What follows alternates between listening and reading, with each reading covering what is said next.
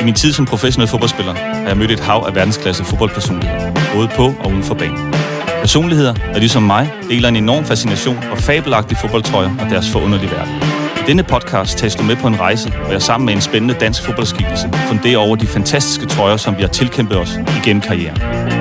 Mit navn er Jan Mikkelsen. Velkommen til Bagom Trøjen. Det er en af Jans tidligere holdkammerater, som gæster bag om trøjen i dag. Det er midtbanedynamoen Nikolaj Stockholm, som har mange spændende og forskellige trøjer med.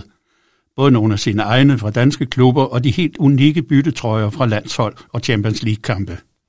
I kan se frem til en meget interessant samtale om hårde træningsmiljøer, stærke personligheder og hvilke konflikter Nikolaj blev en del af som anfører i stort set alle de klubber, han har spillet i.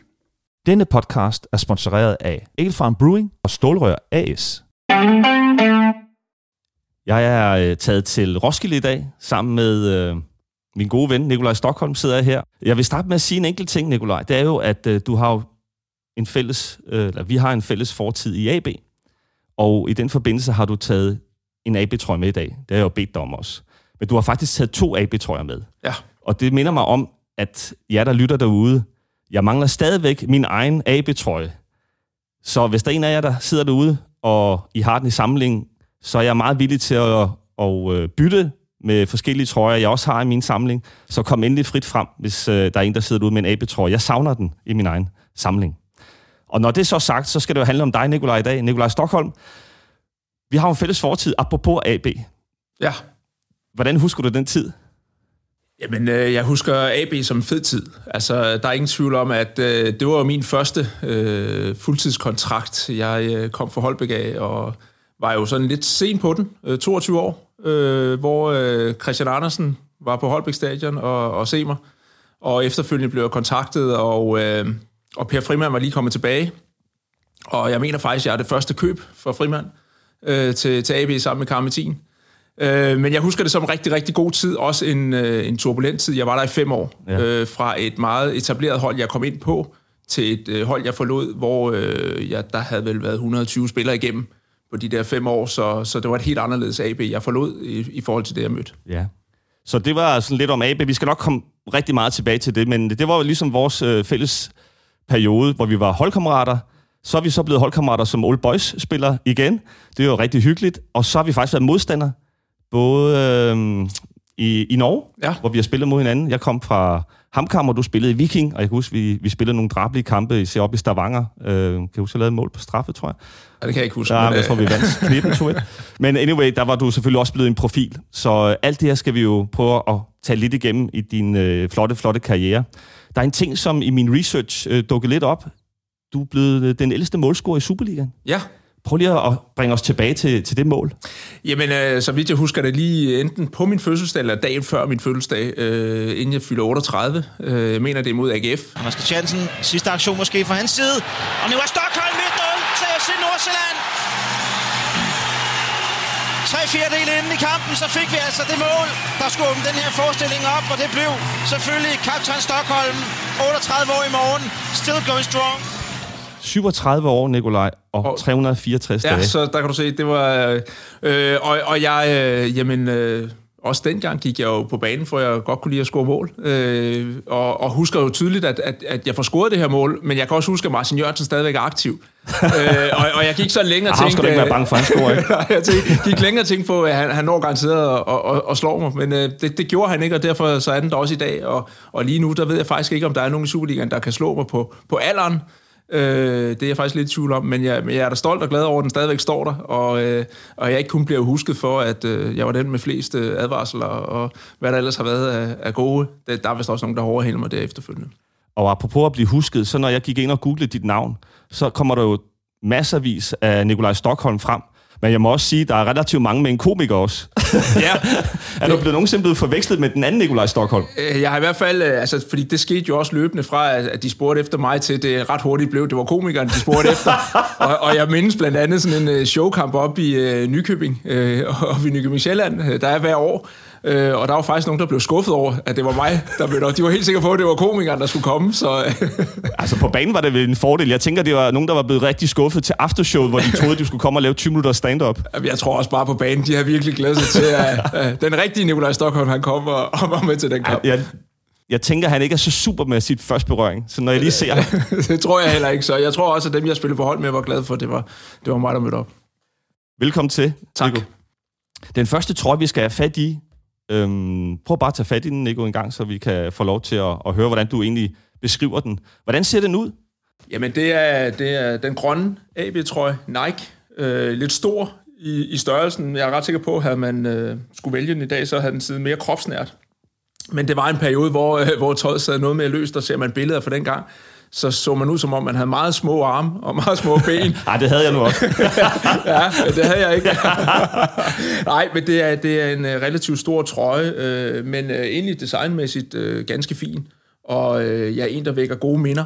Altså, det var, som jeg sagde før, mit første øh, hvad hedder det, møde med, med professionel fodbold i Danmark. Øh, ja, jeg havde spillet ud i Holbæk, og vi havde, var der også på nogle, øh, på nogle øh, kontrakter, men det var det at komme ind til en fuldtidskontrakt, øh, øh, og det jeg egentlig havde ønsket mig om at, at, at få lov til at spille fodbold hele dagen, og ikke kun øh, til fyraften.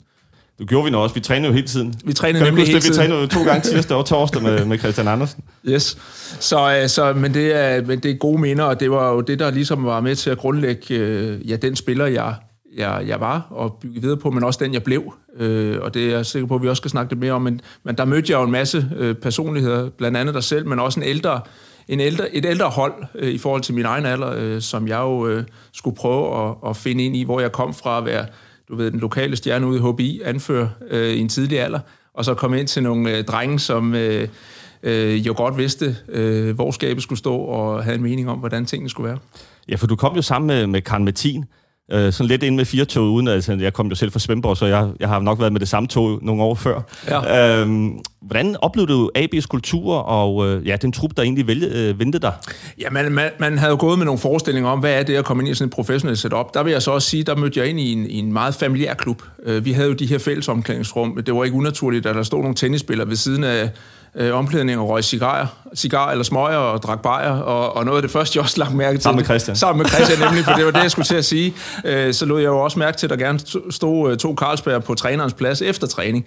Og det var sådan, måske ikke det, jeg lige havde i, i, i mindsetet, da jeg tænkte, nu skal jeg ind og være professionel. Øh, men når det så er sagt, så var det jo en fantastisk klub med en, med en fed klubånd og, og et, et, et setup, som var meget familiær, som jeg siger, øh, men også med nogle spillere. Man havde formået at tiltrække en masse dygtige, etablerede spillere, øh, som var med til at sætte nogle helt nye standarder for AB. Og man havde jo ambitioner om, at man skulle op og blive øh, Danmarksmester. Øh, og, og man var faktisk også på vej øh, med, det, med, det, med det hold, der var.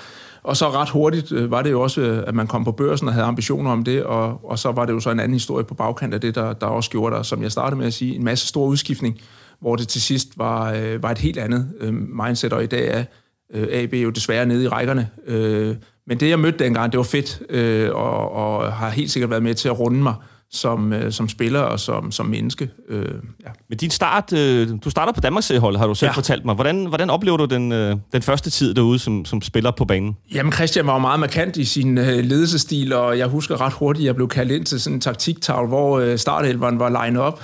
Øh, og så tog han øh, en spiller ud, øh, og så sagde han, øh, det her, du skal spille om, øh, om fire kamp. Øh, og øh, så stod jeg og tænkte lidt, nå, det var sgu da, det var fint nok. Øh, og så siger han så, øh, men du skal også lige spille tre kampe på Danmarksserien, inden, øh, inden man overhovedet kan komme i betragtning til Superligaen. Og jeg kom jo som ny, så det var ikke sådan, man startede med at stille en masse spørgsmålstegn til det, men, men jeg tænkte, kan jeg vide, hvad nu, hvis jeg selv synes, jeg var god nok til at skulle være med næste gang? Men sådan var det, øh, og det var jo sådan også Christians øh, ledelsestil, men han var sådan set meget direkte, og han var egentlig også meget øh, tydelig på, hvad han havde af forventninger, og hvor jeg skulle øh, spille. Og det, det satte jeg sådan set pris på. Øh, at det så blev lidt længere, det blev lidt mere end de tre kampe, øh, hvor jeg begyndte at komme med, og begyndte også at få indhop, og så, så stille og roligt kunne etablere mig øh, på holdet. Hvordan takte du den situation? Jeg kan huske, der var nogle træninger, hvor du begyndte stille og roligt at blive frustreret, og så netop apropos den, øh, han havde jo lovet dig, at du skulle spille efter fire kampe. Hvordan, øh, hvordan gik det for sig til træning? Ja, men altså, hvis vi lige tager den, så er det rigtigt, da, da vi når de her tre kampe, jeg ser forventningsfuldt frem til, at jeg skal udtages, og så ser jeg så, at jeg er ikke udtaget. Øh, men samtidig bliver jeg så kaldt ind øh, til en øh, træning, inden jeg skulle spille Danmarks kamp. Og det var jeg mildest talt ikke særlig tilfreds med. Men øh, som det var, øh, sådan en lørdagstræning der, dagen før øh, søndags øh, Superligaen-kamp der, jamen så spillede vi jo gerne lige 11 mod 11. Øh, og i min frustration der kommer jeg nok til at, at, at stemple René Henriksen. Øh, vores anfører, øh, og, øh, og jeg blev sådan ret hurtigt overfaldet af både Claus Thomsen og nogle andre, øh, og, og, og, og kunne jo godt se, at det var jo ikke så smart, hvis jeg havde skadet René Henriksen, men, øh, men igen, jeg var også frustreret og havde min øh, vindermentalitet og ville, ville jo gerne på holdet. Så, så jeg taklede det måske mindre godt i den situation. Øh, når det så er sagt, så spillede René øh, dagen efter, og han kom ikke til skade. Og øh, på vej ind for træning, øh, jamen, øh, så gik jeg der duknakket og havde, synes, jeg havde fået lidt skæld ud, og nu skulle jeg ud og spille Danmarks kamp. Så kom øh, Brian Sten sådan gående bagved og tog armen om mig, og så sagde han, øh, det er godt, min dreng, øh, hvis du vil beholde, skal du bare fortsætte det der. det var lige Brians ånd. det var lige Brians ånd. så, øh, så jeg fik sådan lige øh, lidt en oprejsning der, men, øh, men det var en hård tid. Altså det, jeg, som jeg sagde før, jeg kom, øh, var, var var ret etableret og bærende spiller ude i Holbæk, og var med til at sætte styringen til træning og alt det her. Så kom jeg ind, og så øh, skulle jeg jo indordne mig i en eller anden hierarkisk øh, orden, der var i, i AB, og det var, det var faktisk et, et, et, et ganske hårdt træningsmiljø. Altså, der var øh, nogle, øh, nogle stærke personligheder, så, og der blev gået til den til træning, og Christian, han kunne jo godt lide den der intensitet, så når vi spillede ung mod gammel, eller øh, hvad hedder det, intervalspil, så var det jo tit ung mod gammel, og lad mig bare sige, de, de gamle fik lov til at, at skralde igennem, og så måtte vi jo se, om vi unge vi kunne rejse os op og give lidt igen, og det, det lærte jeg jo af, og andre, de øh, øh kan jeg jo se, eller oplevede jeg jo også, øh, faldt jo lidt tilbage der, og, og ikke kom videre. Prøv at beskrive øh, det med træningsmiljøet, for jeg tror, det er jo noget af det, som øh, lytterne synes er rigtig, rigtig spændende, fordi det foregår tit lidt i det skjulte. Ja, øh, og, og det var helt sikkert mere udbredt dengang, end man sådan ser det i dag, fordi der var det meget mere sådan opdelt. Var du lidt ældre, jamen, øh, så var det de unge, der bare boldene, og det var dem, der tog målene, og det var dem, der tog trøjerne, og, og i det hele taget sådan øh, blev høvlet lidt igennem til træning, og, og, og skulle kæmpe sig op igennem rækkerne og få noget anerkendelse. Det, det var sådan set også det, jeg mødte. Øh, når det så er sagt, så havde jeg jo også gode oplevelser, både med dig selv, Jan, og, og, og Brian og nogle af de ældre. René, der, der, der kom jo og anerkendte den, man nu var, og, og når man gjorde noget godt, jamen, så fik man jo også det at vide, og, og, og sådan set ville vi, ville vi jo, øh, var vi der for at vinde kamp. Øh, og det oplevede jeg også i den her AB-ånd. Så det var ikke bare sådan, at nu blev vi bare smadret, og vi skulle holdes nede. Øh, men, men, men det, man forventede fra, som jeg oplevede det i hvert fald, fra den ældre generation, det var, at man som ung jo viste, øh, og yde noget ekstra, øh, for at man gerne vil være med. Og det øh, har sådan set, øh, hvis jeg selv skal sige det, ligget mig meget naturligt, det der med at, at gerne vil arbejde for sagen. Øh, men jeg skulle lige vende mig til det, øh, fordi det er jo lige det der med at være øverst, og så skal ind og prøve at arbejde sig op og, og etablere sig. Og så gik jeg jo naturligt og kigge på, hvem er det, jeg skal slå af. Altså sådan er det jo også som fodboldspiller. Man kigger på... Hvem var det så, du skulle slå Jamen, øh, dem, der spillede på midtbanen dengang, det var jo øh, Jan Bjur, det var øh, Peter Rasmussen, og det var Brian Sten. Ret etablerede spillere. Så det var jo ikke den nemmeste opgave, øh, og jeg udså mig lidt uh, Jan, uh, eller, eller lad, mig, lad mig sige det sådan, det var Christian, der sådan, fordi Jan han skulle lidt tilbage i rækkerne, ja, og kom jo faktisk til at spille uh, længere tilbage på banen, uh, uh, fordi man måske også havde brug for en, mig selv, som, som måske kunne løbe lidt mere og, og lidt hurtigere. Så, så jeg tror sådan set, der var en plan, så det var ikke sådan, at jeg sagde, nu skal jeg så, men det var, mit, det var det, jeg ligesom gik med ind i hovedet, jeg tænkte, jeg slår nok ikke Brian af, jeg slår nok heller ikke Peter Rass af.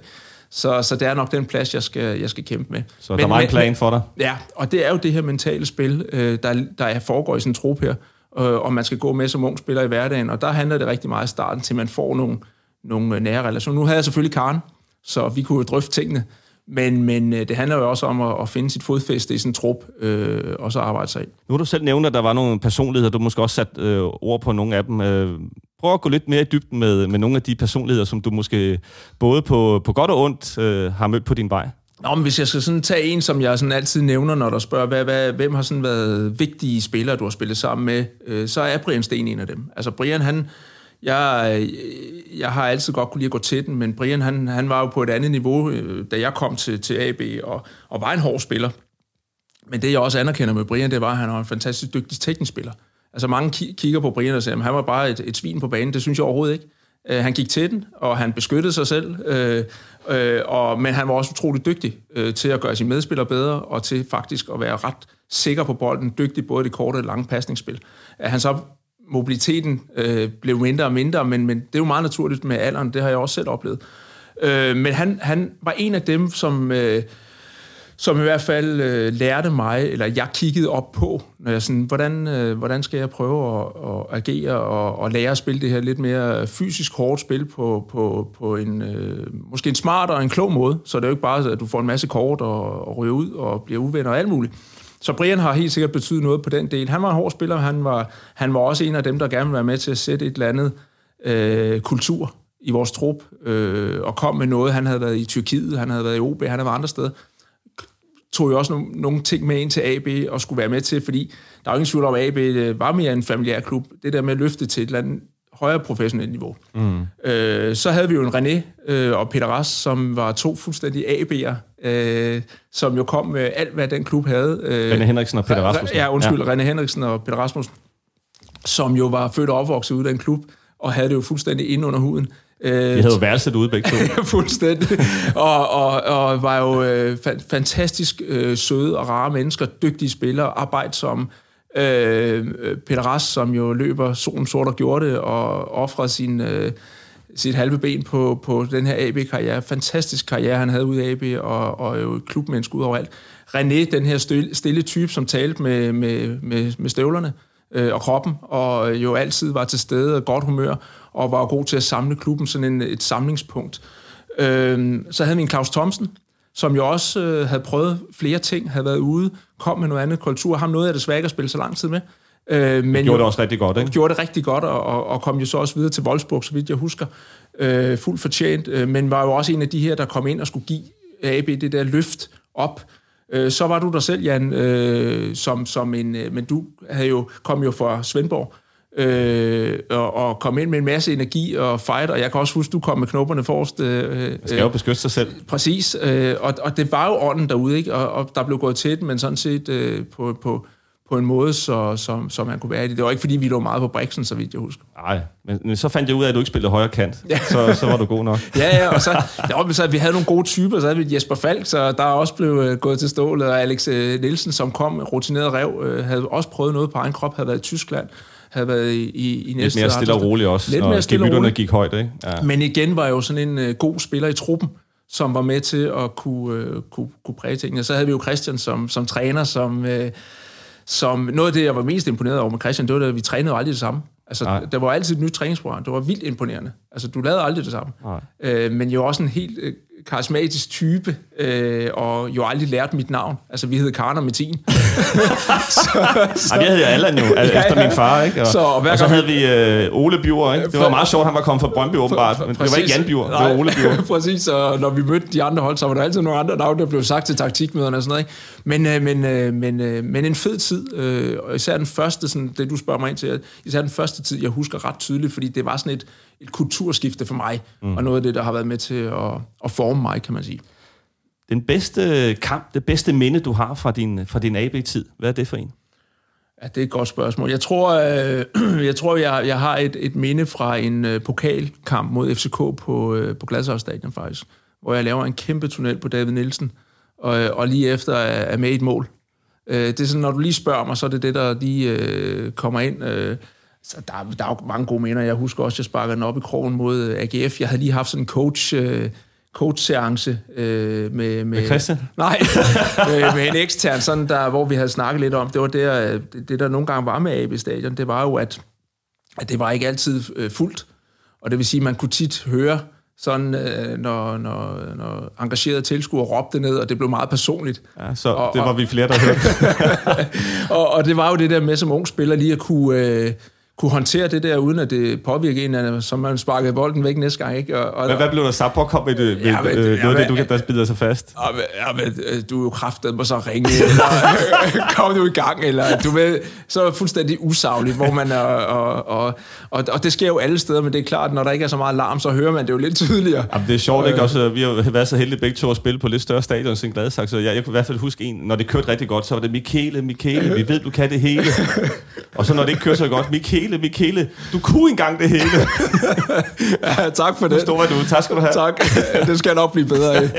Så nej, men der havde jeg faktisk sådan et, og, og, og lært det der med at kunne fjerne de der negative tanker, der måtte komme. Og så faktisk i den kamp, der sparkede jeg den op i krogen, kan jeg huske, mod uh, AGF. Det var en fed oplevelse. Ja. Så, så der er jo masser, altså det er jo svært, øh, jeg var der i fem år. Så der er masser af gode oplevelser, der er også nogle uh, tabt pokalfinaler og vundet pokalfinaler, hvad der ellers var. Vi fik en bronzemedalje og sådan noget. Ikke? Så der har været mange fede oplevelser, og øh, det er svært sådan lige at lave et, men, ja, men den der anden, den står faktisk ret tydeligt for mig, kan jeg huske. Og det er jo pisse fedt at høre, fordi øh, det er jo også en, øh, en oplevelse at høre dig fortælle om din egen rolle, og det der med hierarkiet, at du, du starter som en spiller, der skal tilkæmpe sig en, en plads på holdet, bliver så fast i, i AB, og så bliver du solgt til OB. Ja. Og du har heldigvis din OB-trøje med i dag. Ja. Den stribede. Yes.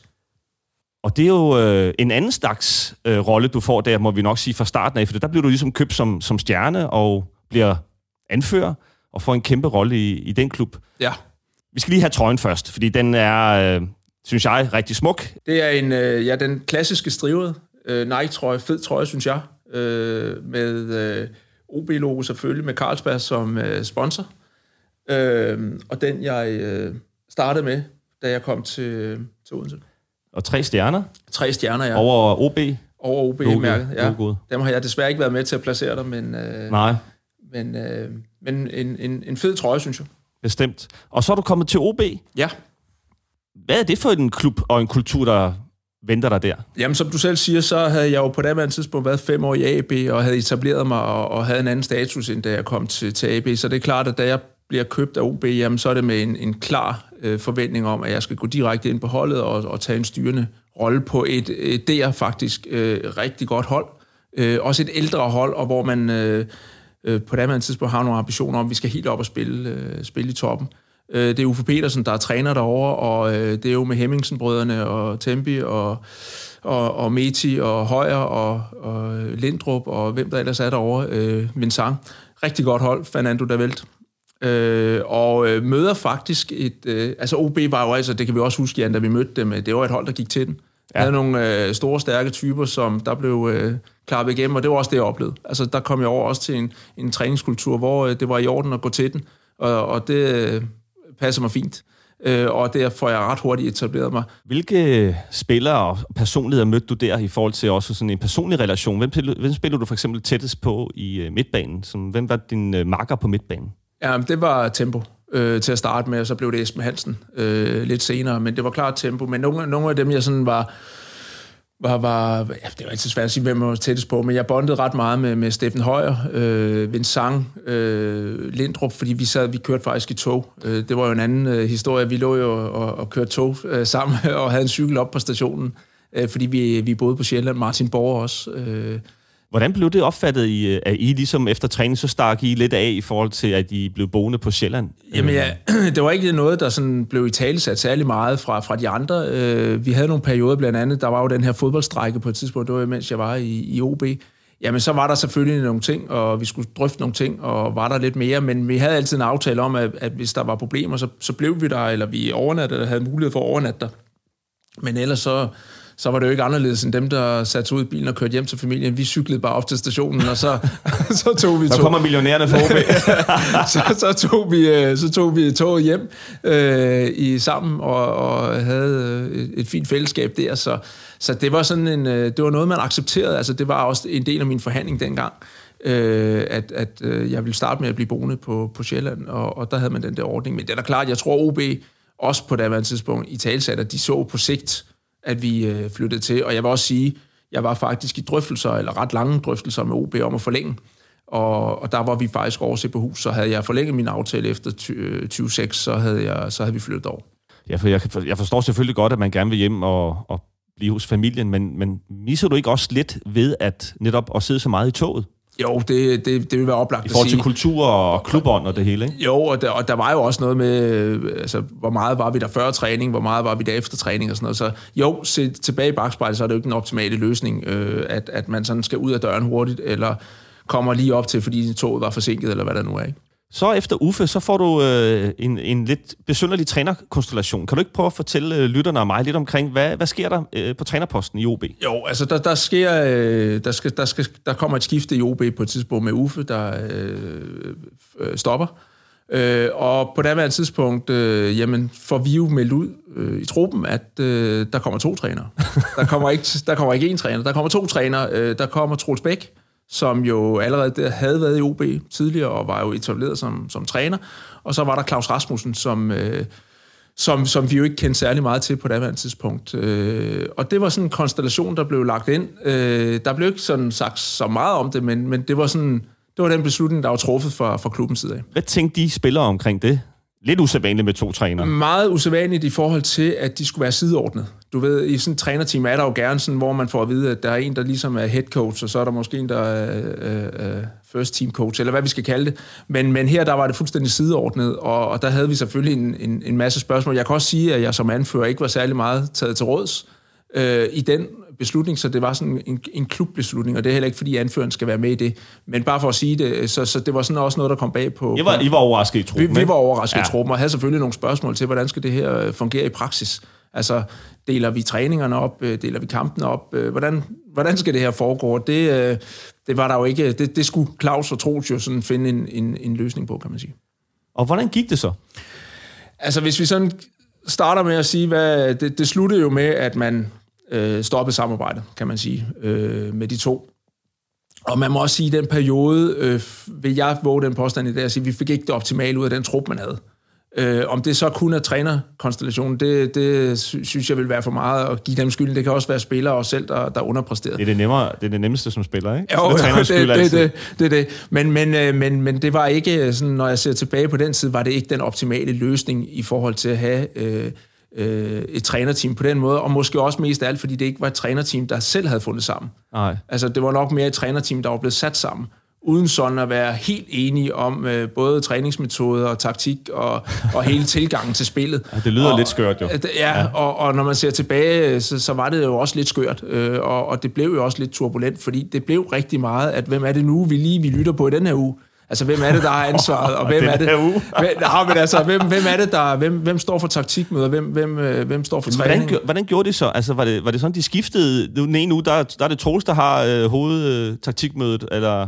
Ja, altså som jeg husker det, så blev det sådan ret klart delt op, at, at man skiftede sådan lidt til at tage oplæggene til kampene, og havde også sådan træningsugerne og sådan op til, til, til ja, til de kampe, vi skulle spille. Okay. Og, og, og det, det var jo, kunne godt som spiller være svært at agere i. Jeg er med på, at, at Troels, Ras, uh, Troels og, og, hvad hedder han, Claus, de gjorde jo alt for sådan i hverdagen ude på banen og være så alene, men du ved også i, i det miljø, og når der sker noget, jamen så, så skal der jo træffes nogle hurtige beslutninger ja. og noget, og så, så kan man jo godt som spiller, især i de perioder, hvor det ikke går. Ja. Altså, vi ved jo, hver gang man vinder, jamen så, så går det rimelig nemt. Men ja. så snart det går lidt den anden vej, jamen så er det, de der sprækker begynder at komme, og det, det skete øh, desværre også i, i OB. Du fortalte mig, at øh, du faktisk blev draget ind i det, da de så skulle afskedes. Mm.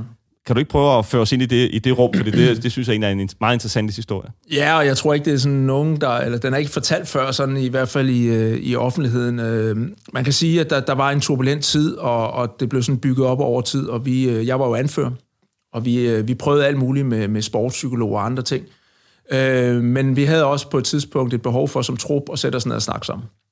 Og, og på det møde, øh, jamen, øh, der, der er, sådan, er vi ret enige om, at, at, at spillertruppen har svært ved at se den her konstellation af den rigtige fremadrettet for OB og for, for, for, for holdet, øh, for klubben for at komme videre. Og derfor beslutter vi egentlig, at jeg skal gå til direktøren. Øh, og, og hvem er det? Det er Kim Brink. Okay. Øh, og i talsæt øh, det her over for, for Kim øh, og vores, øh, vores bekymring, og måske også være så direkte at sige, at der bliver simpelthen nødt til at ske noget. Og det, øh, det gør jeg så.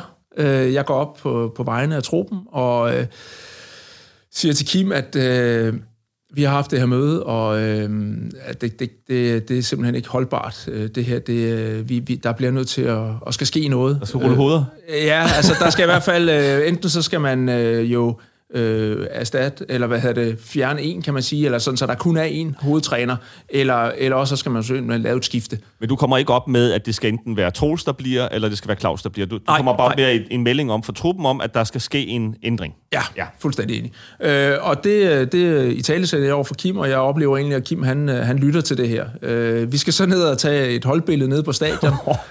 øh, lige efter, og bagefter skal vi ud på noget, der hedder dyrskuepladsen. Dem, der er for, for Odense, ved godt, hvad det er, øh, at træne øh, efterfølgende. Og øh, vi får taget det holdbillede, og vi kommer så ud på dyrskuepladsen der og begynder at varme op. Og så, øh, så ser jeg godt, uh, Troels og, og Claus, de står derovre, og så siger de, hvad, Stockholm, har du lige øh, to minutter? og jeg sådan tænkte, nå, øh, det kan da være, det er noget til weekendens kamp eller andet. Men kommer så derover og, og, og så siger de til mig, om vi kan forstå, at du har været op og sige, at vi skal fyres. Så siger jeg, jeg blev, jeg, jeg blev ret mundlam sådan. Ja, øh, det har du ikke lige forventet. Jeg havde jo forventet, at det her det var en, øh, en dyb fortrolig samtale. Øh, jeg i hvert fald gik op som anfører øh, til, til, til direktøren. Den er Kim lige misset. Øh, den havde Kim, Kim øh, lige misset. øh, men øh, men der, der er jo ikke andet at gøre, som jeg siger til dem, jamen det er rigtigt, at, øh, og, og giver dem jo egentlig sådan set den samme forklaring, som jeg også lige har sagt her tidligere. Vi har haft det her spillermøde, og, og, og jeg på vegne af truppen har været op og sige det her. Mm. Så det var selvfølgelig en uh, ubehagelig situation at stå ja. i, men, jo, men også når du spørger lidt til, hvad er det for en rolle, man har som, uh, som, som, som anfører, så er det jo både at være den forlængede arm ned i en trup fra, fra trænerteamet, men det er jo også at, at, at lytte til og, og prøve at håndtere uh, sådan truppen. Uh, men, men, men, og det er jo ikke sjovt, altså det var ikke sjovt for mig at gå til Kim, og det er bestemt heller ikke sjovt bagefter at så føle, at man uh, er blevet sat i det spil, øh, i klubben øh, øh, og, og få, få sådan en besked lige i hovedet. Det kræver jo også derfor en, en stærk karakter, og også dybest set altid en erfaren spiller, som netop øh, måske har noget øh, erfaring, livserfaring til at kunne håndtere de konflikter, der altid kommer som, som anfører. Ikke? Jo, og, og de er der jo. Altså, det, det ved du. Og sådan er det jo i et miljø, hvor du er hvad, 25 spillere, og der er 11, der kan spille. Øh, og der er nogle trænere, der har noget syn på, der er nogle spillere, der har noget syn på. Der er masser af konflikter i sådan en hverdag. Øh, det er fedt. Det er et fedt miljø, men, det, men alle ved, at det, alle er jo ikke tilfredse i sådan en trup. Sådan er det jo. Nikolaj, nu skal vi i gang med, øh, med stålet. Vi har jo et øh, rigtig dejligt samarbejde med Stålrør AS, og øh, i den forbindelse har vi en blog her, hvor vi tager fat i den øh, spiller, enten med eller modstander, som, øh, som har gjort et stort indtryk på dig i forhold til, ja, måske den største bisse, eller den hårdeste spiller i hvert fald.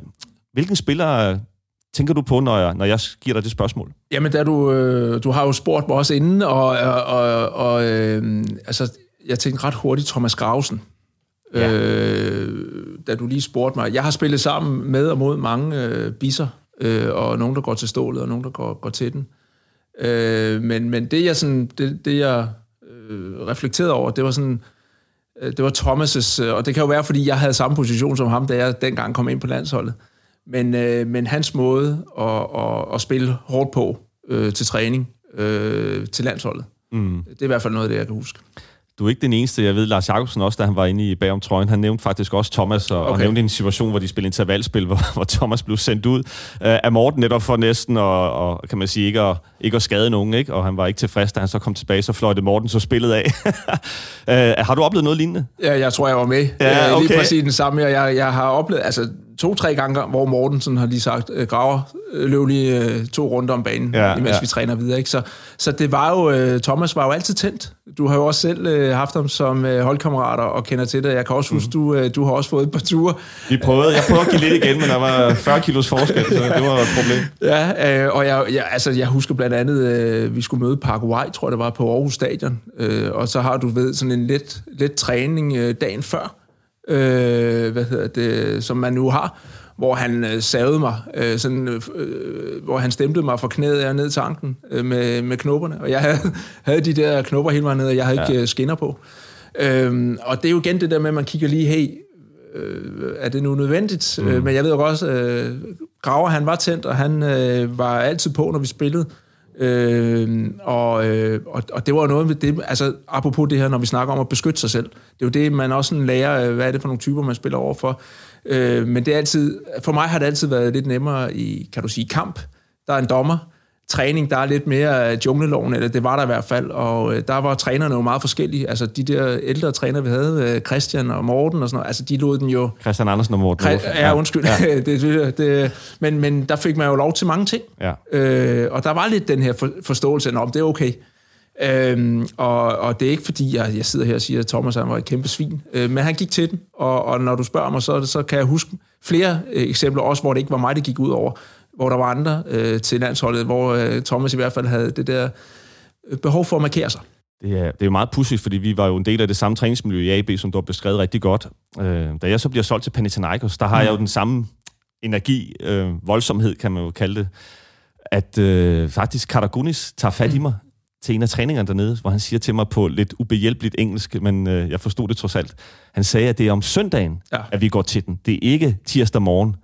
Og, og noget af det er faktisk, øh, har jeg taget til mig også som træner mm. senere øh, hen, i forhold til, at øh, selvfølgelig skal vi gå til den, der skal være intensitet, men intensitet er jo ikke altid glidende takling, og måske da tværtimod, fordi man nogle gange skal reparere med en glidende takling, i stedet for måske at være på forkant, og så tage bolden, inden det bliver til en, en takling. Ikke? Øhm, og det lærte jeg rigtig meget af, for jeg vil sige, noget af det, gutterne kunne nede i Panathinaikos, de var sat med sløve nogle gange til mm. træning. Mm. Altså, jeg synes ikke, vi havde et fantastisk træningsmiljø, men når vi spillede om søndagen, så var de altså klar. Ja. Øh, og det var det, jeg oplevede lidt modsat nogle gange i AB, det var jo, at vi nærmest gik mere til den til ung mod gammel. Ja. Og så om søndagen, så stod vi sådan lidt øh, passive og, og reagerede på tingene, ikke? hvor jeg tænkte, kunne du ikke have gjort ligesom i fredags, ja. hvor du sparkede mig ned, ikke? Ja. Øhm, så, så det var i hvert fald noget, som jeg tog med fra, fra Grækenland og, og videre hen, og især som træner, som sagt, øhm, tænker jeg meget over det. Ja, og jeg hører jo også altså, flere steder, hvor man jo næsten har taklet fri træninger øh, i, stor, i engelske klubber og andre steder, netop for at undgå, at der bliver det her. Øh, fordi det er jo til kampen. Det er der, vi giver den gas, og det er der, vi skal ind og, og, og, og. Men det er jo den der balance, man må bare ikke miste den der aggressivitet, fordi hvis du ikke gør det i hverdagen... Og det er competitive, øh, ikke? Præcis. Ja. Øh, og og der, der, har, der, der har vi i hvert fald i Danmark, tror jeg, noget, noget læring, for jeg tror, vi er sådan altså, og det er jo igen, hvad, hvad er det for nogle trænertyper, du kigger på? Fordi mange, de har haft den der med, hvis du ikke giver den gas til træning, eller viser til træning, så, gør, det, så gør det ikke om søndag. Ja, altså, ja. det har vi hørt masser af gange ude på træningsbanen, ikke? Mm. Øh, hvor du jo så møder en anden kultur i, i, i Grækenland, ikke? Og, og jeg vil så også sige, at i dag tror jeg, det er den kultur, der er i Danmark også. Altså, folk ved godt, hvornår det er, man, man skal præstere, fordi det er det, der er vigtigt. Øh, og det kan man også godt gøre, uden du skralder øh, øh, seks, seks dage i ugen. Så går vi til din øh, landsholdsperiode, som jeg synes er meget, meget spændende, i det, at du får debut i 2006 mod Israel, Nikolaj. Ja. Og så går der faktisk seks år, før du sådan rigtig er med igen. Og den kamp, jeg gerne vil dykke ned i, det er også en, øh, en kamp, du har faktisk øh, den italienske trøje med i dag, som vi går lidt i dybden med i forhold til modstanderen, og så selvfølgelig din egen øh, landsholdstrøje. Kan du ikke prøve at beskrive først og fremmest trøjerne, du har med i dag? Jo, jeg kan starte med den danske. Øh, jamen, det var... Det er den Adidas helt hvide. Vi var på udebanen øh, i, øh, i Milano. San Siro. San Siro i, øh, i Milano og, og spiller øh, dernede i en VM-kvalifikationskamp. Øh, og øh, jeg havde nummer to på banen, eller to på trøjen, øh, og øh, jamen, var en af de få kampe, at jeg nu har jeg kun otte, men en af de kampe, hvor jeg faktisk startede ind. Den er faktisk meget fed, øh, Nikolaj, fordi der er en lille feature på øh, venstre side af trøjen. Øh, hvad er det? Kan du prøve at, at fortælle det til lytterne?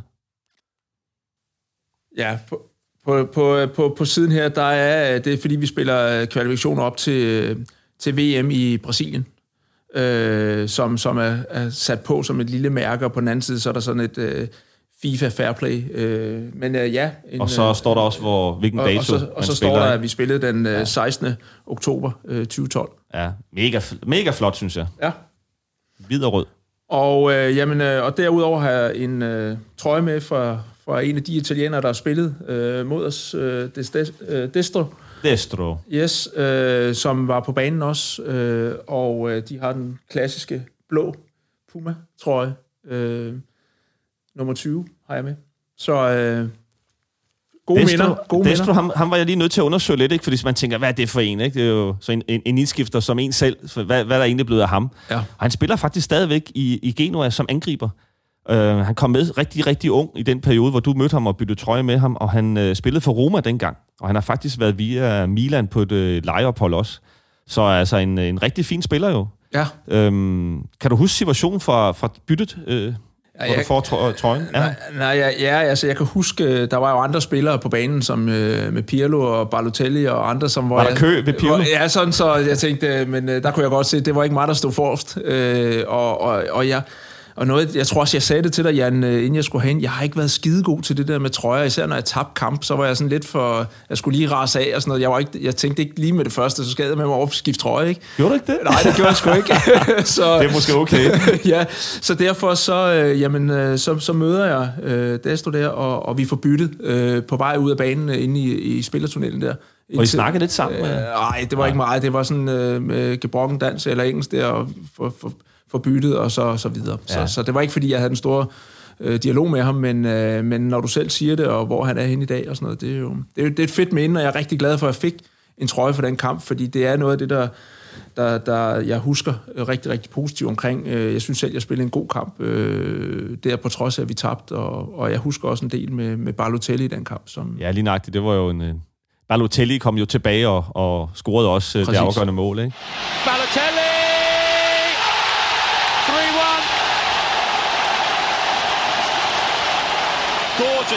From Piedlot. And everyone seemed to stop expecting the offside. Du starter inden. Ja. Hvad er optakten for dig inden øh, kampen? I forhold til, at du er relativt øh, ny på holdet efter din debut der, så går der seks år, og så er du tilbage igen Ja. øh, på landshold. Hvordan får du det at vide, at du er med igen, og hvordan oplever du hele øh, landsholdsperioden igen? Kan man sige nummer to landsholdsperiode? Ja, altså det, der var ingen tvivl om i starten, da jeg kom med. Jeg var faktisk med rigtig mange gange uden at komme ind. Øh, jeg var sådan en af de, øh, faktisk tit den eneste Superliga-spiller, der blev udtaget. Øh, Det var i min OB-tid. Øh, men vi Ja, havde- hvis vi skal sige med din OB-tid, så er det jo... fra, fra 2004 til, til 2006, og Ja. jeg, jeg, jeg mener, jeg starter med at komme omkring landet i 2004, men får ikke den der debut, og det var selvfølgelig mega frustrerende, men det var også fordi, der var en sindssygt stærk midtbane, blandt andet med Gravesen og Christian Poulsen, som sad, sad tungt og spillede altid fuld tid. Øhm, så jeg havde jo faktisk været i truppen ret meget, men ikke spillet, så, så på tallene kan man ikke rigtig se det, men jeg kendte jo faktisk øh, truppen ret godt. Så skete der jo det, at øh, jeg, skulle, jeg skiftede til Norge. Og Viking. Viking, øh, Stavanger, øh, i 2006, og øh, det var helt sikkert et skifte, som Morten Olsen ikke synes var øh, fordrende fra... Du, du har trøjen med i dag. Vi går ja. Ikke sådan i dybden med, Nej. med, med Viking i dag, men, men du har faktisk trøjen med. Det ja. har jeg. Øh, men, men der er ingen tvivl om, omkring øh, landsholdet, så var det ikke øh, der, Morten Olsen, han øh, synes, at det var et godt skift, og det får jeg sådan ret direkte at vide. Nå, okay. På det, her, det, det er sgu spændende. Hvordan ja, siger han det? øh, Jamen, jamen han, øh, vi har jo en, en, en, en, en kort snak, så Morten er jo rimelig kort for hovedet, men, men øh, i hvert fald bliver det ret tydeligt for mig, at... Øh, Han er ikke vild med den spil, øh, spillestilen af- af deroppe. spillestilen, og, og det var ikke den vej, han så øh, det rigtige karrierevalg for mig. Og, og det gør jo faktisk også, at jeg slet ikke er med. Altså, jeg, jeg stopper faktisk næsten fra, fra den ene dag til den anden med at blive udtaget til landsholdet.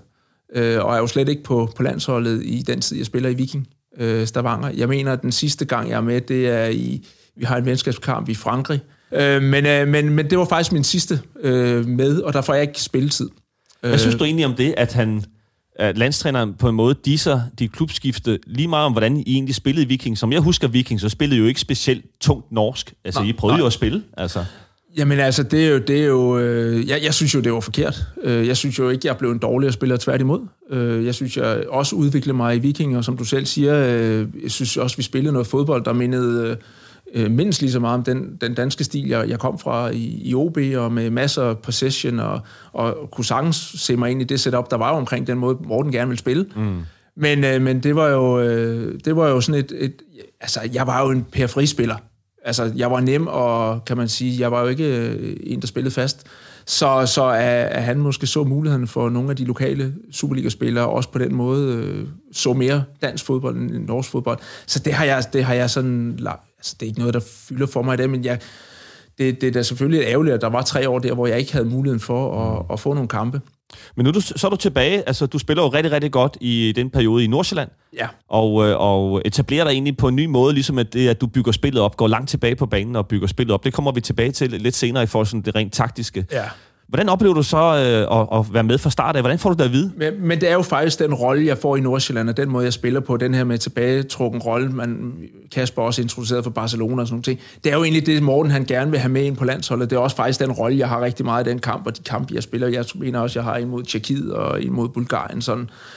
Øh, og, og det er faktisk den rolle, jeg skal spille der i Italien, og Morten tager fat i mig øh, i lufthavnen og siger til mig, at øh, jeg skal gøre mig klar øh, i forhold til, at jeg skal spille. Og det er et par dage før. Ja, det er, er det dagen før, jeg tror, vi lander. Øh, vi sidder ude og venter på bagagen, og hvor han lige øh, tager fat i mig. Øh, og det er, jo, altså, det, det er jo meget velkendt sådan i fodboldmiljøet, at, at tit dem, som ikke er de faste starter, så kommer træneren over, når man lige står sådan, og så får man måske lige et heads up om, enten... Det Stå på toilettet og tisse.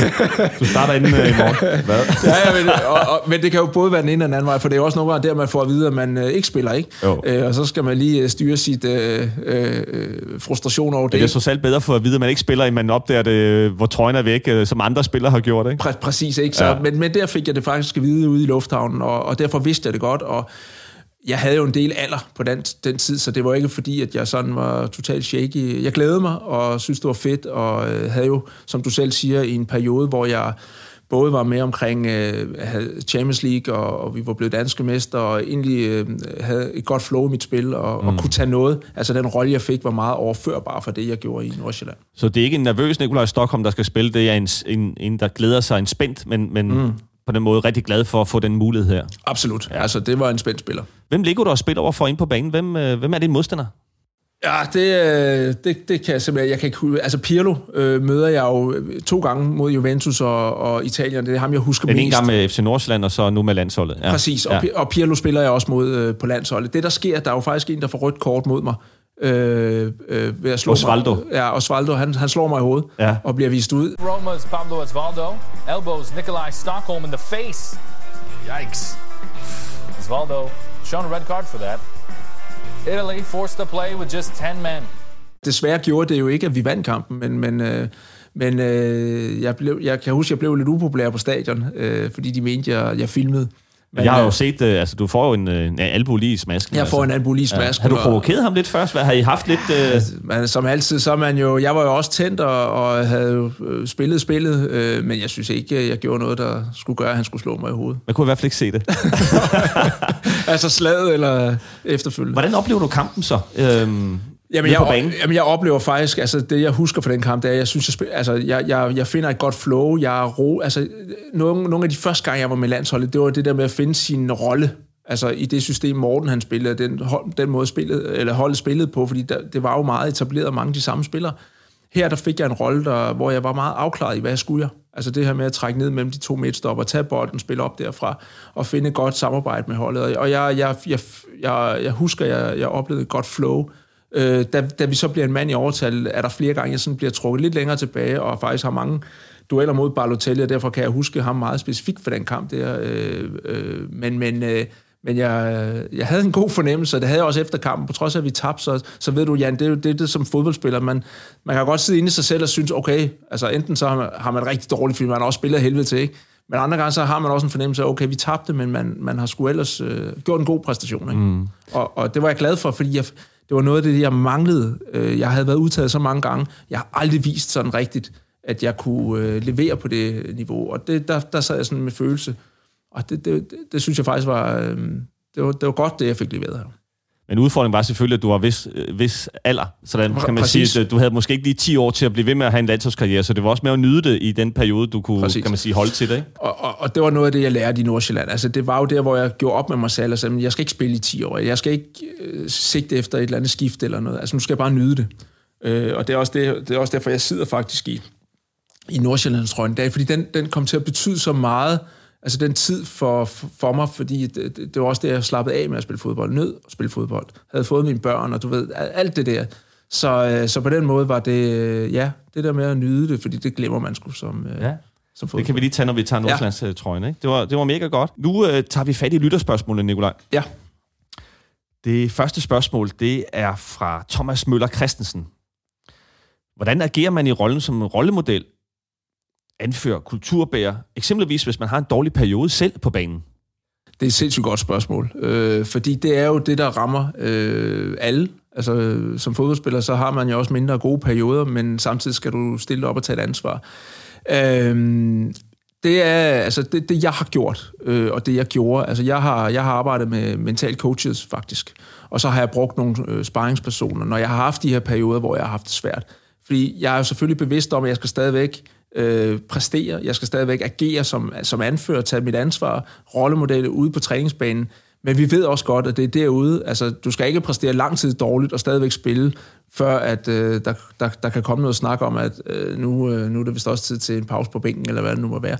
Så det er jo noget at prøve at bearbejde det, prøve at komme ind i en, en god rytme, komme op på hesten igen, men selvfølgelig også lære det her mentale spil. Altså, ting går op og ned, og, og det handler om at komme, når du har dårlige perioder, hurtigst muligt op, øh, og omvendt også huske, at når man er deroppe, på et tidspunkt, så, kan, gå ned igen. så kan det også gå ned igen, og, og, og der, skal du, der møder du de samme mennesker, som du mødte på vej op. Så, så men det er et rigtig godt spørgsmål, og noget af det, jeg tror altid, når jeg bliver spurgt til, til det at være, eller var professionel fodboldspiller, altså det var jo 80-85 procent af det var mentalt op i hovedet, øh, at kunne agere i den verden, og præstere, og være i det miljø, øh, samtidig med at, at, at, at spille fodbold. Øhm, og det, det kræver det her jo også. Altså, det er sådan noget med at, at øh, jeg kender sig selv. Hvordan var processen, hvor du redefinerede dig selv i en ret sen alder under julemand? Man kan næsten fristes til at tro, at der går meget gråt guld tabt i fodboldverdenen, når spillere ikke føler, at de kan bidrage til deres vente position eller arbejdsopgave på banen, frem for at udnytte de kvaliteter, de har på en ny og anderledes måde. Det er Rune Dantoft, der er kommet med det spørgsmål. Det er også et rigtig godt spørgsmål, og øh, der skal den øh, næsten den fulde kredit skal jo gå til Kasper Julemand her. Øh, fordi det er jo rigtig meget træneren, der har stiget ude for banen, ude på træningsbanen og kigget på en spiller, så han ikke synes præsteret øh, efter det potentiale, eller det han gerne ville. Og det var reelt det, der skete med mig. Kasper tog mig jo ind. Øh, jeg var oppe i en, i en, i en alder af 35 og spurgte, øh, altså, hvad, hvad, hvad skal vi herfra? Øh, jeg synes ikke, du leverer det, som, som, som du skal, øh, men jeg kunne godt se nogle andre muligheder. Så fik vi en god snak om det, og jeg starter jo måske med at gå lidt i forsvar, og vi snakker lidt om det, men så blev det jo mere en dialog om, hvis vi skal prøve at kigge på en ny rolle, hvordan skal den så være? Og der havde Kasper selvfølgelig øh, studeret øh, et øh, spansk hold, og, og kigge på nogle muligheder, og kigge på mig som profil og sige, jamen, øh, jeg synes, Nevler har en, en god pasningsfod, et godt overblik og kan være med til at styre spillet. Han havde måske tabt lidt fart. Hvordan kan jeg sikre mig, at vi ikke bliver sårbare ved, at han går tilbage på midtbanen? Og alt den der, den tog vi jo en lang drøftelse og så var det jo på træningsbanen øh, næsten hver dag. Vi gik ud og trænede den her rolle som hold, og som, som mig som individ, og der var jeg jo heller ikke... Altså, jeg kan også godt lide at diskutere fodbold og snakke fodbold, og når Kasper kom med noget, så kunne jeg jo være med til at kvalificere det, hvordan jeg så det inde på banen og sådan noget. Du skulle udføre det, trods alt. Så, men jeg skulle udføre det, og, og, og, og så, så jeg vil faktisk sige, der, der var det jo en sindssygt dygtig træner, som ikke bare sagde, ham der, for gammel, ud. Øh, fordi det kunne han lige så godt. Han kom, han kom til efter Morten Vikhorst, øh, og kunne have sagt, jamen nu lader vi kontrakt med Nikolajs øh, rende ud, og så, øh, mm. så er det det. Den sidste, bare lynhurtigt, det er Søren Vilsted Christensen, der spørger. Hvem var den bedste medspiller i de klubber, du har spillet i? Han har godt nok kun spurgt om OB, men nu tager jeg alle sammen, jeg håber, du siger ja. mig, men det gør du ikke. Men, men hvem, øh, hvem tager du... Øh, hvem var den bedste medspiller i de klubber, du har spillet i? René Henriksen. I AB? I AB. OB? Den skarpeste der, det var, det var øh, Steffen Højer. Viking? Det var fandme Søren Berg. Søren Berg? Ah, det bliver han glad for at høre. Ja. Nordsjælland? Det er også, den, den er svær. Øh, Patrick, MT Liga. Patrick, MT Liga. Landsholdet, bedste spiller? Daniel Jager. Den lager. Ja. Det var til Søren Vilsted Christensen. Fem hurtigt. Nu skal vi have fat i øh, nok den øh, periode, hvor jeg i hvert fald synes, at du spillede noget af dit aller, allerbedste fodbold, og blev med rette kort til Superligans bedste spiller i øh, 2012. Og det er også det år, hvor du bliver Danmarksmester med den klub, hvis trøje du sidder i i dag. Ja. Lad os øh, høre lidt mere om den FC Nordsjællands trøje. Jamen altså, øh, den, er, den er jo klassisk rød, og vi havde forskellige, og, og, og nu har jeg taget øh, H2'en med. Øh, den vi faktisk bliver Danmarksmester i, det er Diadora-trøjen, øh, så vidt jeg husker. Jeg ved ikke, om jeg skal sige, at øh, Nordsjællandstrøjen var den i det pæneste design, fordi det, øh, det tror jeg ikke, det er. Men, men grunden til, at jeg har taget den på, fordi du bad mig om at tage en af dem på, det er fordi, at hvis jeg kigger på alle de trøjer her, med selvfølgelig undtagelse af A, B og OB, så er det faktisk det, jeg har gjort i den røde trøje her, der har der gjorde, at jeg fik nogle øh, muligheder, nogle oplevelser med de andre trøjer. Og derfor øh, var, var det jo øh, meget øh, karakteristisk, at det var den, jeg tog på, fordi den har fyldt så meget, på trods af, at jeg først kom til øh, Nordsjælland i, som 33-årig øh, og, og spillede fem år. Øh, jo vildt sent i min karriere, og og alligevel har de fem år været jo, øh, som du næsten siger, de bedste øh, fodboldår for mig øh, i, i min karriere. Ja, du restartede lidt dig selv. Du var rigtig øh, god til at forklare den rolle der, hvor du netop begyndte at blive mere en fase 1-spiller, hvor du går ned i opbygningsspillet og, og skabte overtal, øh, især centralt, hvor du med din gode timing og din gode fornemmelse for spillet, og nogle rigtig dygtige medspillere, vil jeg så også sige, havde virkelig et godt hold med en Bjelland og en øh, Okora omkring dig, ikke? i hvert fald i den fase af spillet en uh, Lorentzen længere fremme, en Bækman, Andreas Laudrup, uh, masser af dygtige spillere, som, uh, som bidrager til jeres mesterskab. Uh, fuldt fortjent, og, en, og et, et dygtigt trænerteam Absolut. omkring jer også, som nu er en dygtig landstræner. Ja. Den tid, hvordan, uh, når du lukker øjnene og så tænker tilbage på, uh, på de oplevelser, hele den kultur, der var deroppe, hvad har det givet dig, uh, både som spiller dengang, men også, kan man sige, videre som person? Jamen, man kan jo sige, at, at, at, at det, det, det er jo med stolthed, jeg sådan tænker tilbage på den tid, men det er også en, en, en tid, der bliver nødt til at blive delt op i nogle bidder, fordi det, det jeg kom tilbage på, det var jo... Øh, det var, en, øh, øh det var Morten Vikhorst, jeg har snakket med sådan løbende nede på La Manga, fordi vi var altid på træningslejr samtidig. Og det her med at komme tilbage til et meget ungt Nordsjællandhold dengang, som lå i midten, øh, og skulle være med til at stabilisere det, være med til at, at udvikle de unge spillere og være en støtte til, at vi øh, to år i træk spiller mere mesterskabet, bliver mester det ene år, spiller Champions League, vinder to pokalfinaler. Altså, det havde jeg jo ingen idé om, da jeg tager hjem i 9, at det var der, det skulle ende. Øh, jeg samtidig kommer på landsholdet alt det her. Så den rejse er, er jo en fantastisk rejse, og, og der er jo mange mennesker, der har, der har øh, hvad hedder det, aktier i det her, øh, lige fra, fra Allan, ejeren, til de træner. Allan K. Pedersen. Allan K. Pedersen. ja, nu skal jeg nok huske at sige det efter. det er godt, jeg er med i dag. Så ja, det er det. Øh, men alle de øh, mennesker, som nu var en del af det, og de, som du siger, noget med at ramme de spillere på et, jo et meget lille Superliga-budget.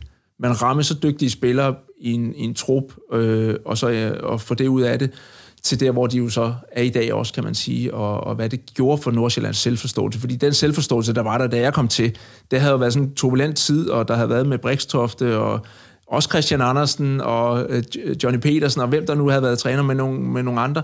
Men man forsøgte at bygge noget andet op med, øh, med først Morten Vikhorst, øh, Kasper, øh, Flemming Petersen, og, som jo også var der dengang. Så, men når du spørger mig sådan, hvis jeg lukker øjnene, øh, fantastisk følelse og, og nogle gode oplevelser, og som jeg siger, øh, det gav mig jo øh, den mest fuldendte måde at afslutte min karriere på, øh, og meget privilegeret, at jeg kunne spille til 38 og blive ved med at være, øh, være en del af, af, af noget, jeg synes, der var spændende. I vinder jo guldet på hjemmebane. Mm. Sidste kamp mod Horsens. Ja. Prøver at tage os tilbage til før kampen i omklædningsrummet med et relativt øh, rutineret hold. Der er jo en del øh, ældre spillere. Det er jo ikke det samme, som der er nu. Dengang var det lidt ældre spillere, som ja. havde prøvet lidt mere, som blandt andet dig selv. Hvordan er stemningen dernede? Det er jo en ung træner.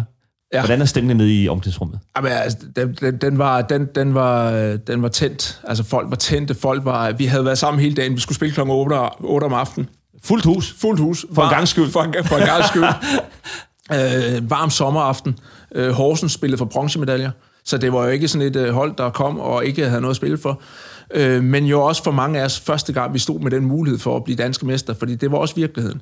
Øh, og jeg kan huske, øh, selvfølgelig var der lidt trygge stemning. Min rolle var jo sammen øh, med, med MT Liga og nogle af dem, altså få ro på, få, få øh, fundet det rette, rette balanceniveau eller spændingsniveau. Øh, det ved vi jo, øh, det her med, enten så kan det komme for højt eller for lavt, og det gør så også, at du ikke men så noget af det, som, som Kasper han, han gjorde, som faktisk var med til at sænke skuldrene, det var til, øh, til taktikmøde. Så havde han lavet en lang videokavalkade af alle vores mål. Alle sådan nogle øh, succesoplevelser. Så folk sad deroppe og glemte egentlig vigtigheden i kampen, men fik en god fornemmelse ind i kroppen. Og det der med, åh, det, det, det var, og det er kulminationen nu.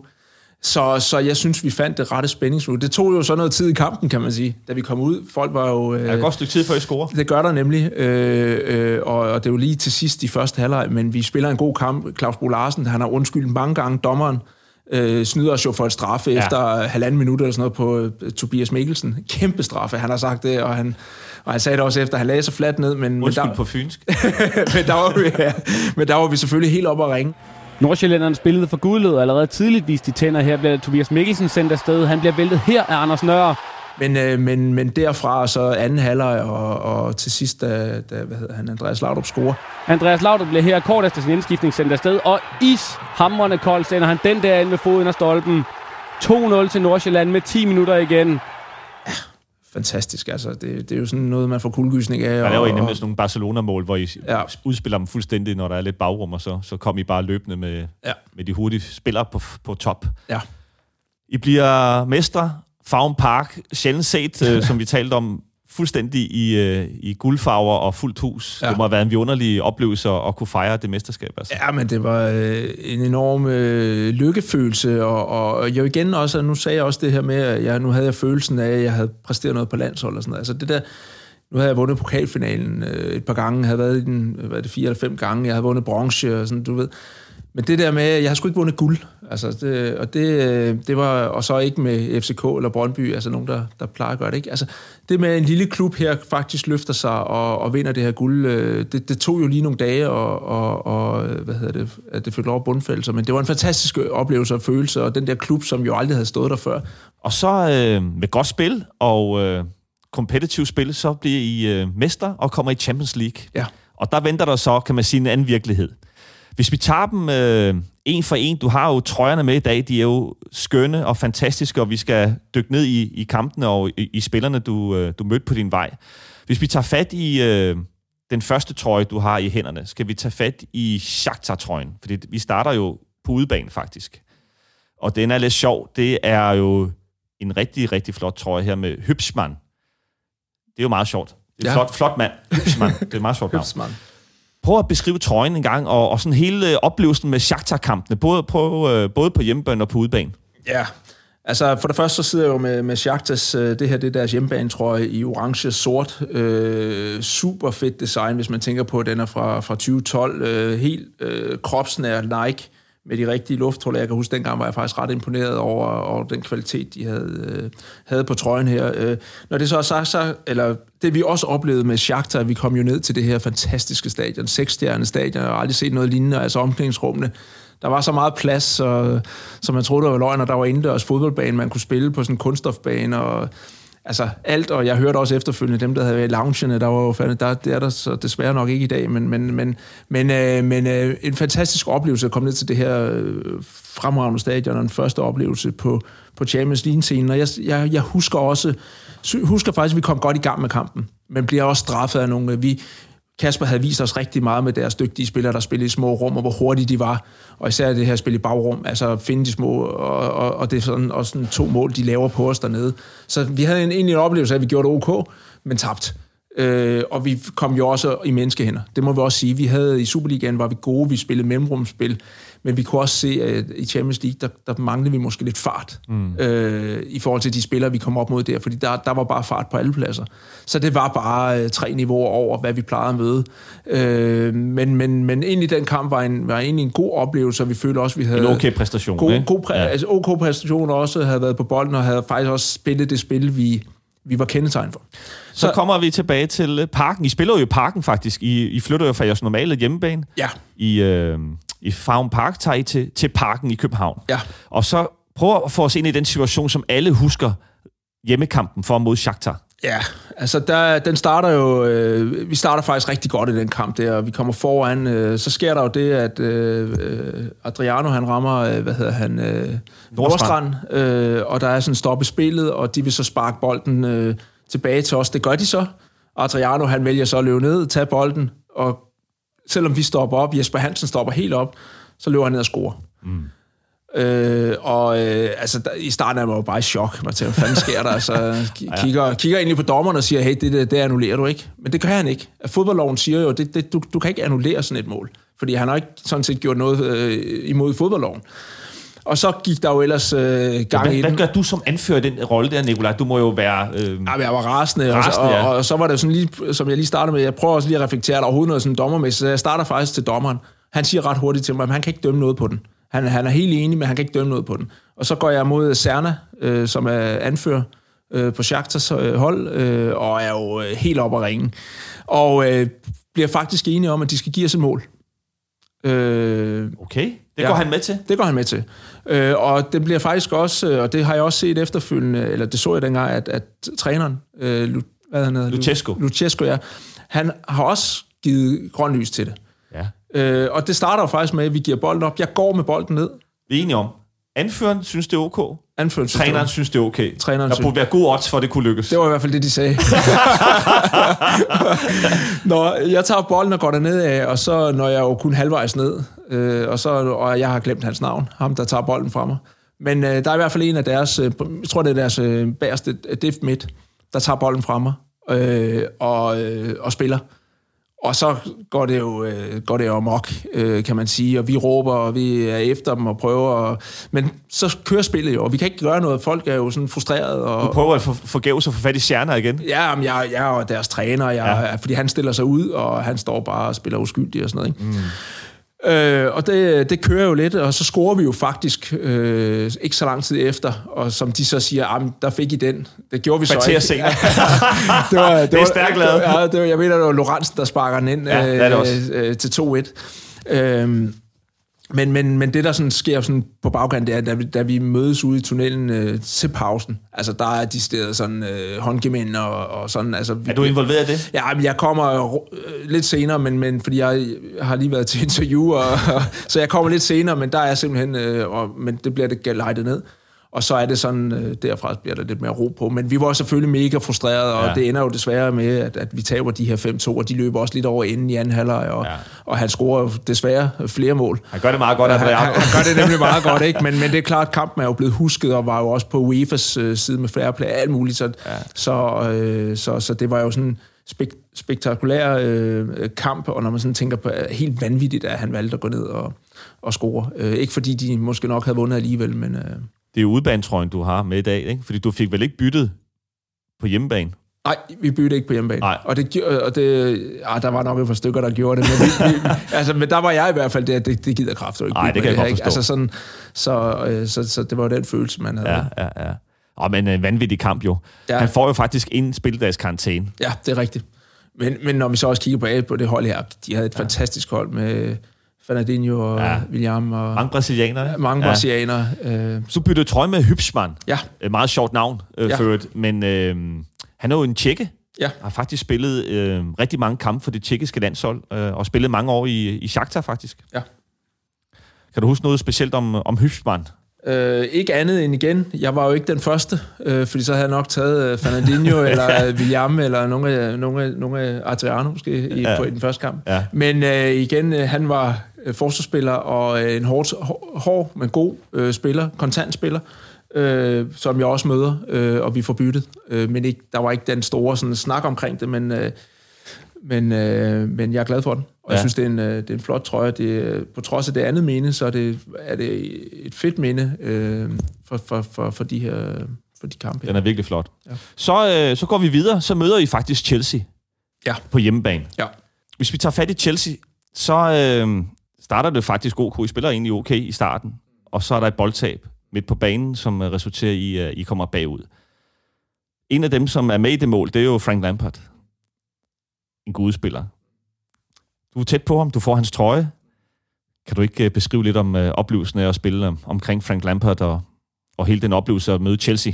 Jo, det var, det var en, en stor oplevelse, og en af, en af dem, jeg også sådan, øh, Frank, øh, Frank Lambert her, han var jo en af dem, jeg sådan så op til, og, og, og sådan studerede lidt i forhold til hans måde at spille på, og meget hvordan, hvor dygtig han var til at orientere sig hele tiden øh, øh, på, på midten af banen og på den position, og, øh, og ja, i den kamp, vi spiller mod ham, eller mod ham i parken, der laver han øh, to mål, tror jeg. Mm. Øh, og igen, altså nu sagde du det også selv, boldtab, og så scorer de. Det var det, der var forskellen, ikke? Altså, øh, vi kunne godt lave boldtab i Superligaen, uden der blev scoret. Altså Champions League, der blev vi bare straffet, og, det, og vi blev ret hårdt straffet. Here's Torres wins it back here and finds Lampard, and Lampard lays it on a plate, and Chelsea have the lead through Juan Mata. Øh, og, og det var sådan et, et, et, et, en ny virkelighed. Men, men når det er så sagt, så, øh, så, så, så var langt hen ad vejen. Jeg kan huske, det sidste kvarter var ikke så sjovt øh, i parken, øh, fordi der, der, der falder det lidt sammen, som det sådan gjorde Og de lidt. får lidt for mange mål lidt, ikke, i forhold til for mange- kampens, øh, Præcis, kan man ikke, sige. fordi det var faktisk en lige kamp ret langt hen ad vejen, og vi ja. spiller også godt. Synes også, øh, jeg er på midten mod, øh, sammen med Adu, spiller en god kamp. Øh, øh, men, men igen, en, en, en, øh, noget jeg tænker tilbage på nu med, med, med, med stolthed og glæde. Øh, men da jeg var der, var jeg jo pisse sur, men jeg var glad for inde på banen faktisk, for det var en af de gange, hvor jeg kom lidt før at du min, min, min gode ven Adu, han, øh, han, var Prøv- prøv altid, ja. han var altid ved Pirlo, og nogle af de andre, vi mødte, han, havde, han vidste inden kampen. Og der havde han ligesom, så, øh, så, så snart targeted. blev fløjtet, så, øh, så Og han var, trøjesamler, han var virkelig god til det der med at ret hurtigt lægge det der nederlag til siden, og så, øh, og så kom afsted. Øh, men, men lige præcis i parken, der stod jeg ved, ved tæt på, øh, på Frank Lampert, og han var anfører, jeg var anfører. Og vi får, der får vi faktisk lige sådan øh, sagt, øh, lige, han, han anerkender os. Øh, vi var en lille, lille, øh, noget han nok ikke kendte skid til, øh, inden han kom dertil, men fik lige anerkendt vores måde at spille på, og fik lige sagt et par pæne ord. Det, det, det, var da, det var fint, og der får vi også skiftet, eller byttet trøjen der, og, og den, er jeg, den er jeg rigtig glad for. Så har I simpelthen trøjebyttet ud, midt ud på banen, ja, øh, hvor I når faktisk... lige at sige, sige hej til hinanden. Ja. Mega fedt. Og det, jeg prøver, trøjen er jo mega fed med lidt uh, guld. Uh, hans navn står det med guld. Præcis. Uh, mega fed trøje, synes jeg også. Uh, en Adidas trøje med, netop med guld. Og uh, alt med, med guld skrevet, og hans navn, og nummer 8. Uh, og Right to Play. Og Samsung på, uh, og, og Samsung på, på brystet, på brystet ja. ikke? og så den her Champions League 2012 uh, på, på det jo må være højere. Ja, højere, den er virkelig lækker. Højere, ja. ja. Ikke? Så, og så var der respekt for, det var efter kampen med Shakhtar, så var... Det, det står der ikke på Shakhtar, tror jeg. Nej, det gør der ikke. Det gør der faktisk ikke. oh. Ah, okay. Ja. De kigger ikke på det, så. Nå, men den er... Ja, men altså, Chelsea-kampen blev selvfølgelig voldsom, og så synes jeg faktisk, vi skal, vi skal slutte af med, med Juventus på hjemmebane, ja. hvor du har også, ja, men altså, den gamle dame, ikke? Øhm, med det gamle logo. Ja. Fordi jeg er jo så ked af, at Juventus har skiftet logo. Øhm, de der to jøder. Det er ikke lige mig. Men før os lige tilbage til, til trøjen og til kampen, Nikolaj. Det her det er virkelig også en, en, en super fed trøje. Sort-hvid, klassisk Juventus-trøje øh, med det gamle logo, øh, italienske embleme på brystet ikke? Og, og Jeep. Og, og det er Nike-trøje. Øh, og øh, den, jeg har taget med i dag, jamen det er Bonucci's øh, klassespiller, øh, må jeg sige. Synes Europamester nu? Europamester. Øh, desværre ikke med til VM. Men, øh, men øh, fantastisk spiller, og jo øh, Hammer Cellini, også på det Juventus-hold her, helt toneangivende spiller, på trods af, at du ser, hvad der, hvad der ellers var af Pirlo og Marquisio og øh, Proba og Vidal og øh, ja, mange ja, dygtige, stærk, dygtige spillere. Stærkt øh, besat mandskab, ikke? Øhm, og, og øh, ja, nu sagde du godt, at vi lige skal nævne hjemmekampen, men jeg vil også bare sige, at den aller, aller sværeste kamp, vi havde i hele Champions League, det var Juventus ude.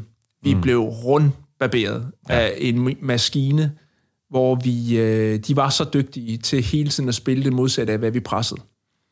Okay, så fandt de simpelthen løsninger? Altså deres system, og jeg tror, Ben, han, jeg tror, jeg snakkede med ham på et tidspunkt, altså det måde, de, de trænede opspiller, den måde, altså de muligheder, de havde som, som hold fra især Cellini og Benucci, som var ofte dem, der satte spillet i gang og kørte deres wingbacks op. Ja. At de var så dygtige til at finde de mellemrum, og angriberen falde ned, og, og så var stor, kæmpe stor løbevillighed. Øh, så ude var vi helt væk. Øh, hjemme øh, var jo det, vi fik point. Ja. Øh, og... Øh, og en god oplevelse for os. Øh, det, det holdt hårdt til sidst, men, øh, men en fed oplevelse, og fedt, at vi fik det der point, og, og Beckmans øh, flotte, flotte mål.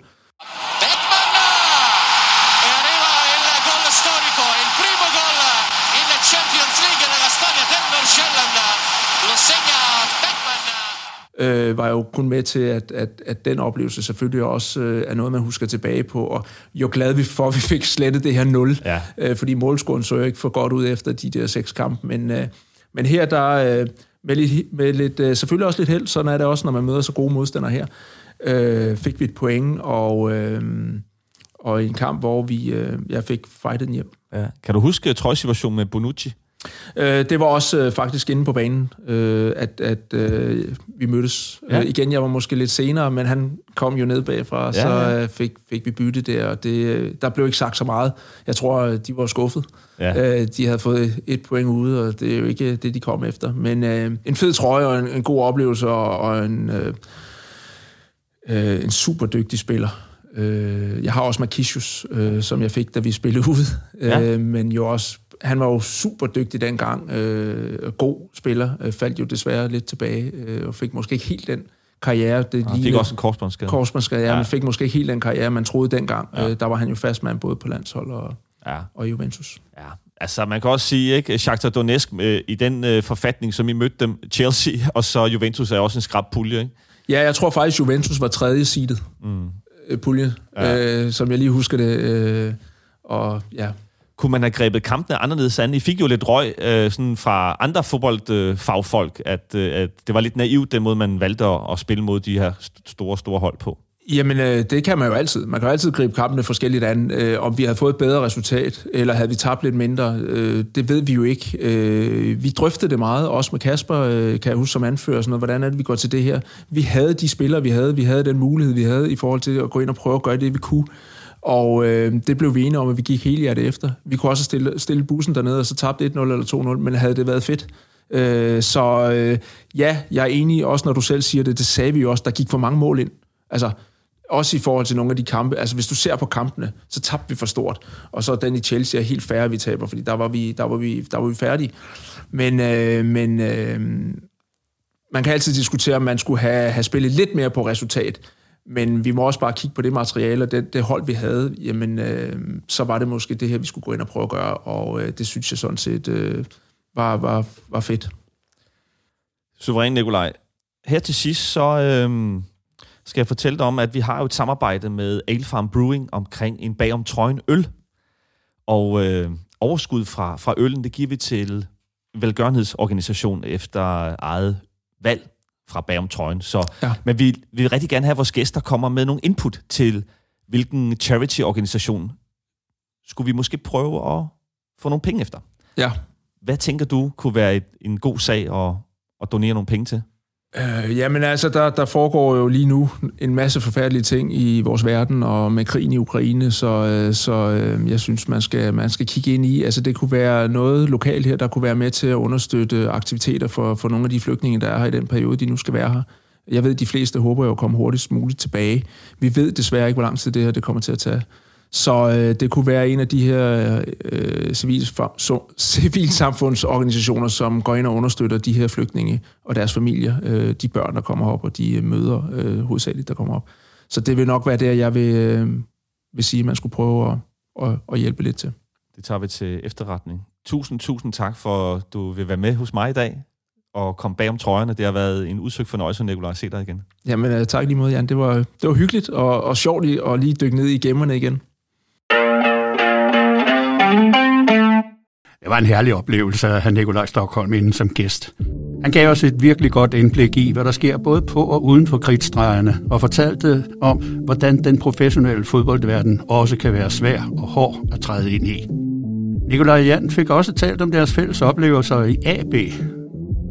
Historien om, hvordan Nikolaj blev konfronteret af sine to trænere på træningsbanen, var helt ny for mig også. Nikolaj Stockholm gennemgik en utrolig udvikling og endte som dansk mester, Champions League-deltager og landsholdsspiller i en meget sen alder. Det er altså godt gået.